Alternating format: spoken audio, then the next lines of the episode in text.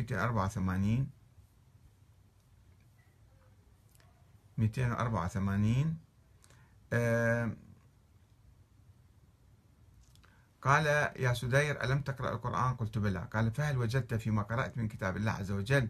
قال الذي عنده علم من الكتاب. أنا آتيك به قبل أن يرتد إليك طرفك. قال قلت جعلت فداء قد قرأته. قال فهل عرفت الرجل؟ وهل علمت ما كان عنده من علم الكتاب؟ قال قلت أخبرني به. قال قدر قطرة من الماء في البحر الأخضر فما يكون ذلك من علم الكتاب. قال جعلت فداك ما أقل هذا. قال يا سدير ما أكثر هذا. أن ينسبه الله عز وجل إلى العلم الذي أخبرك به. يا سدير فهل وجدت فيما قرأت في من كتاب الله عز وجل؟ قل كفى بالله شهيدا بيني وبينكم ومن عنده علم الكتاب يريد يسوي مقارنة أن الأئمة عندهم علم الكتاب فهم أعلم من ذاك آه، الرجل اللي كان مع سليمان. آه، قال أفمن عنده علم الكتاب كله؟ أفهم أم من عنده علم من الكتاب أو علم الكتاب بعضه. قال قلت لا بل من عنده علم الكتاب كله. قال فأومأ بيده إلى صدره وقال علم الكتاب والله كله عندنا علم الكتاب والله كله عندنا. هذا يحلف ماتين يحلف بس هذا مو بدون الحلف مو دليل هنا. أنت أثبت علاقتك بالله تعالى. هل أنت نبي؟ إذا لم تكن نبيا فكلامك كله مو صحيح. فتمسك البعض بقول الإمام عليه السلام آه، في رواية أخرى الإمام ينفي الإمام الصادق يقول جارية هذه هربت مني فما علمت في أي بيوت الدار هي. فأنا ما أعرف جاري تختبي بالغرفة ما أعرف بها غرفة. فيقول هذا بعض الناس آه، تمسك آه، بعض الناس بهالحديث هذا أيضا لنفي علم أهل البيت عليهم السلام بالغيب. إلا أن الذي يلاحظ على هذه الرواية أن الإمام لما قام من مجلسه وصار في منزله قال كلاما غير الذي قاله أولا. يعني شوفوا بعض الروايات تجي هي مشهورة عند الشيعة أن الأئمة ينفون علم الغيب. وواحد يقول هذه الرواية روايتها عن الإمام الصادق ولكن يضيف عليها رواية أخرى يقول لما راحوا الناس هو قال لي شيء ثاني. لما طلعوا وصار في منزله قال كلاما غير الذي قاله أولا. تقية كان يسوي. حيث بين أنه عالم بالكتاب كله. وحيث أن الكتاب فيه تبيان كل شيء فهو عالم بجميع الأشياء ما كان وما يكون كما تقدم سابقا. وعليه فكيف يمكن أن يخفى عليه مكان الجارية؟ شلون الإمام الجارية تهرب من عنده وتختب في في غرفة من الغرف وما يعرف فما يصير هذا؟ ينقضون.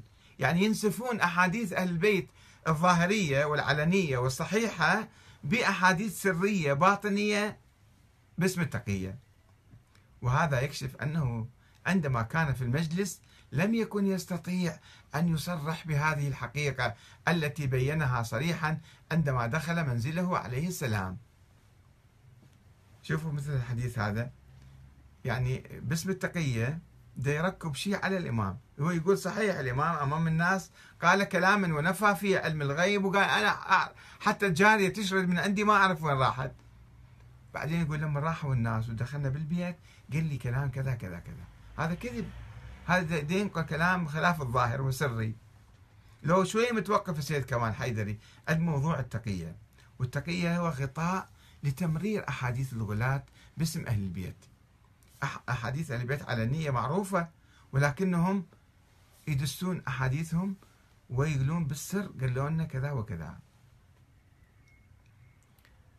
ويجي يفسر بعدين سيد كمال ولعل السبب في ذلك يعود إلى أن المجلس كان فيه من لا يحتمل مثل هذه المقامات للأئمة لأئمة أهل البيت. قال المجلسي أن يكون الغرض بيان أن ما ذكره عليه السلام أولا كان للتقية من المخالفين أو من ضعفاء العقول من الشيعة لئلا ينسبوهم إلى الربوبية أو لعله ولعله أظهر وأوفق بسائر الأخبار. السيد كمال والمجلسي دي يأولون أحاديث الإمام. و آه، يعني يقلبوها رأسا على عقب حتى يمشون نظريات الغلاة مع الأسف الشديد. لو كان محقق شوية سيد كمال في هذا الموضوع لعرف أن هذا حديث آه، مغالية وكاذبة. 286 أي إمام؟ 295 خلينا نختصر الكلام جدا. لأنه كلامه كله حشو يعني بالحقيقة ولا فائدة منه أبدا. 295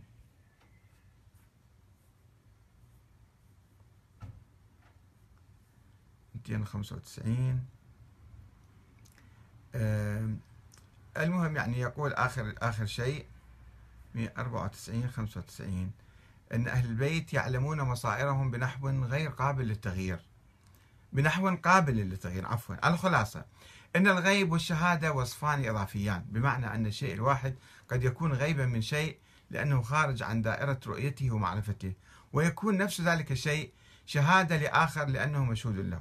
اثنين بشأن الجمع بين الآيات النافية لعلم الغيب لغير الله تعالى وبين الآيات المثبتة لذلك توجد معالجتان. آه، يعني محاولة الالتفاف على الأحاديث.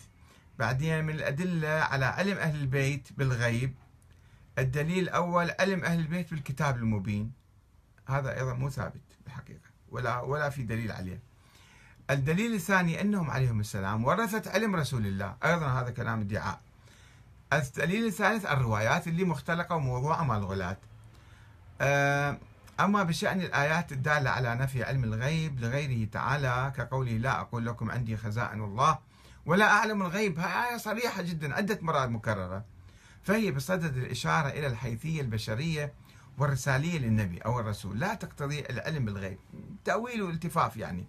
وليس من لوازم هذين الحيثيتين للنبي أو الرسول أن يكون عنده علم غيب. وهذا لا ينافي إفاضة الله تعالى على عباده الذين ارتضاهم واجتباهم لبعض العلوم الغيبية بإذنه وإرادته. يعني هو الاستثناء محدود إلى بعض الأنبياء من رسول مو الرسل كلهم. هو دخل الأئمة بالنص وطاهم صفات حتى الأنبياء ما عندهم. حتى النبي محمد ما عنده الصفة ولا عنده القدرة وجعلهم يعلمون علم ما كان وما يكون وما هو كائن. ويعلمون الغيب السماوات ملكوت السماوات والأراضين. هذا تطرف وغلو تضخيم بلا مبرر ويؤدي إلى سلبيات في المجتمع وهذا ما يهمنا. يؤدي إلى توتر ويؤدي إلى غلو والغلو ينعكس إلى بعلاقات الناس مع آه، من لا يؤمن بذلك من الشيعة ومن عامة المسلمين. نسأل الله في هذا الشهر المبارك الكريم أن يغفر لنا خطايانا وأن آه، يوفقنا لمعرفة دينه الحق والتخلص التوبة من هذه الأفكار من هذه الأفكار المغالية المنحرفة المسيئة لأهل البيت. والمسيئة للإسلام عموما. والسلام عليكم ورحمة الله وبركاته.